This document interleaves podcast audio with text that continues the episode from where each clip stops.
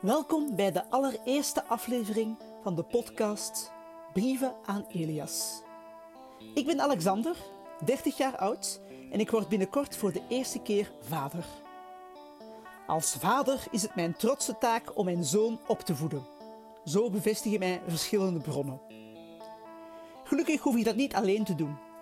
Nee, mijn zoon zal opgroeien in een hele maatschappij vol andere mensen. Ik richt mij persoonlijk tot mijn zoon in een reeks brieven die mogelijk licht pedagogisch onverantwoord zijn. Ik zal proberen hem de weg te wijzen, ook al ken ik zelf de weg niet. Ik zal hem ook enthousiast vertellen over het leven, over het universum en over hoe weinig ik van beide weet. Uiteindelijk hoop ik dat hij zijn eigen weg zal vinden. En dan nu een mooi intro-muziekje. Nee, wacht. Niet dat. Nee, niet dat. Wacht, ik heb het hier ergens liggen. Nee, zeker niet dat.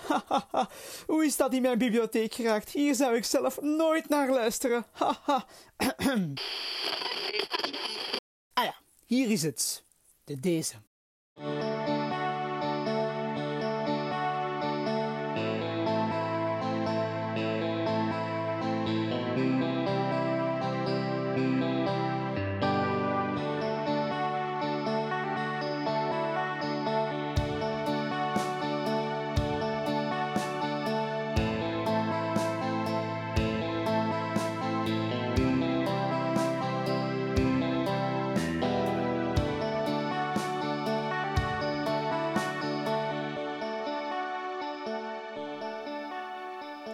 Beste Elias, momenteel kun je eigenlijk vrijwel niets.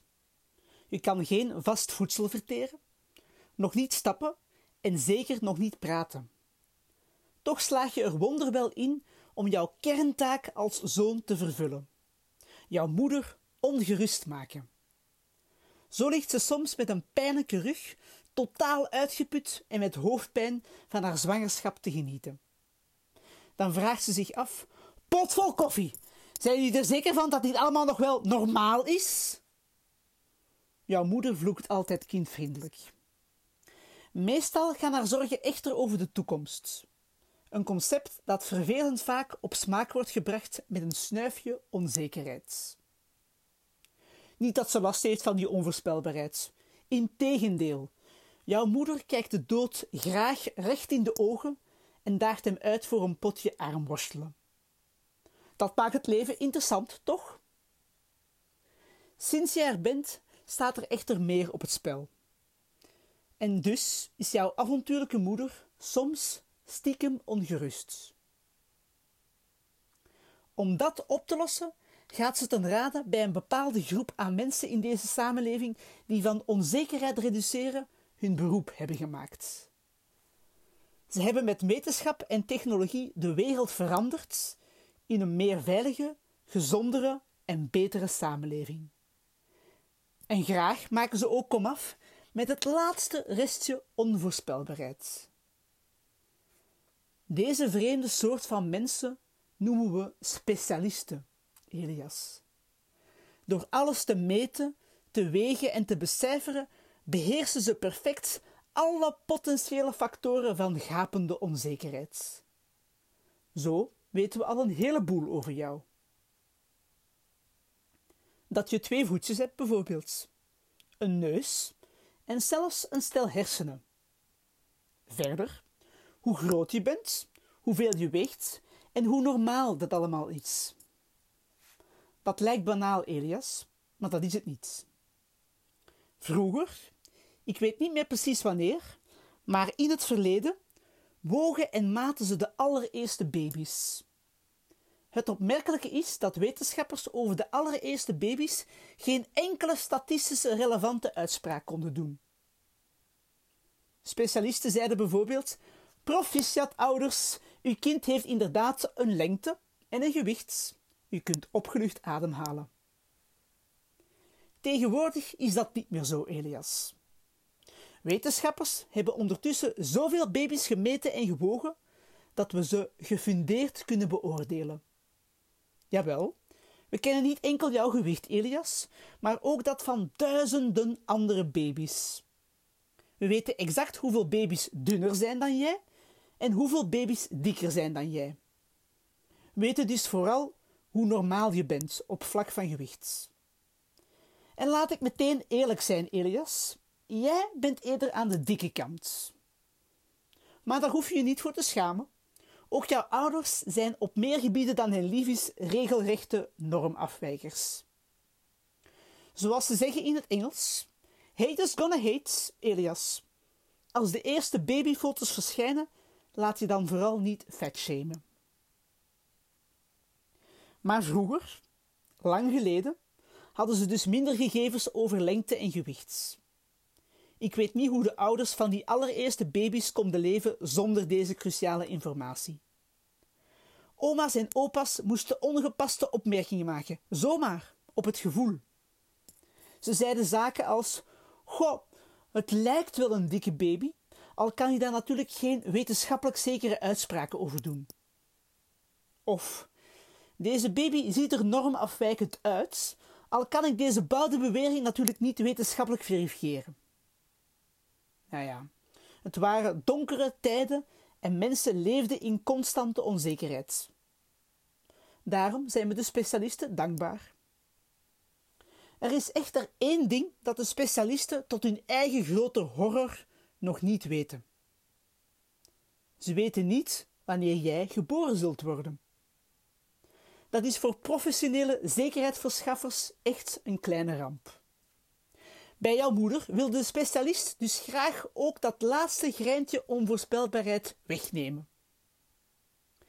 Ze glimlachte verlegen, nam alvast een balpen en vroeg met een gespeelde zelfvertrouwen: Voor wanneer mag ik hem inplannen, jouw baby? En voegde daar meteen nonchalant aan toe: Ik heb nog wel een gaatje in mijn agenda op 3 augustus. Ze kreeg het deksel op haar neus, Elias. Ze was hoopvol, maar met slechts één vraag werd haar plan van tafel geveegd.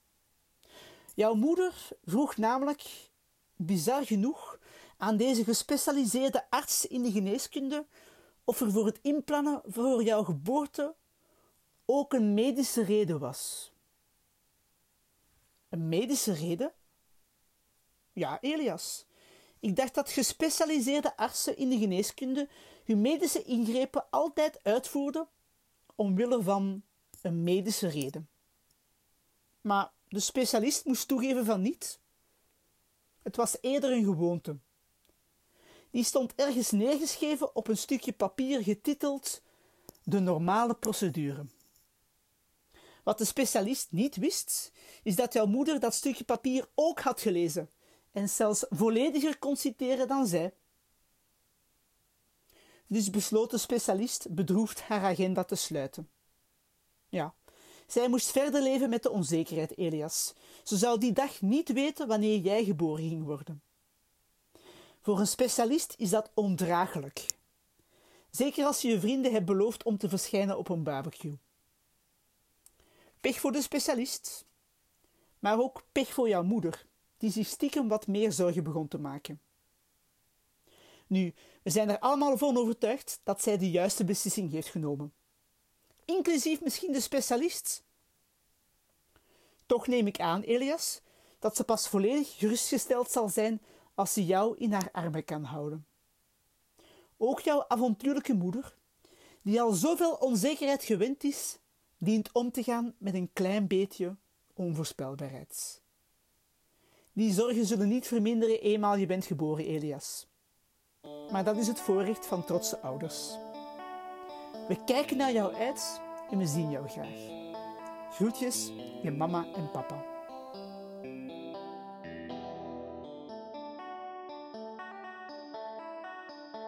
Zo, bij deze zijn we aan het einde gekomen van deze aflevering.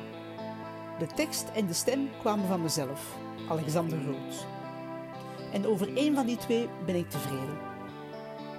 De schitterende montage, die is dan weer van een zeer goede vriend van mij, Michael van Staaien. Applausje voor jezelf, Michael. Tot de volgende keer.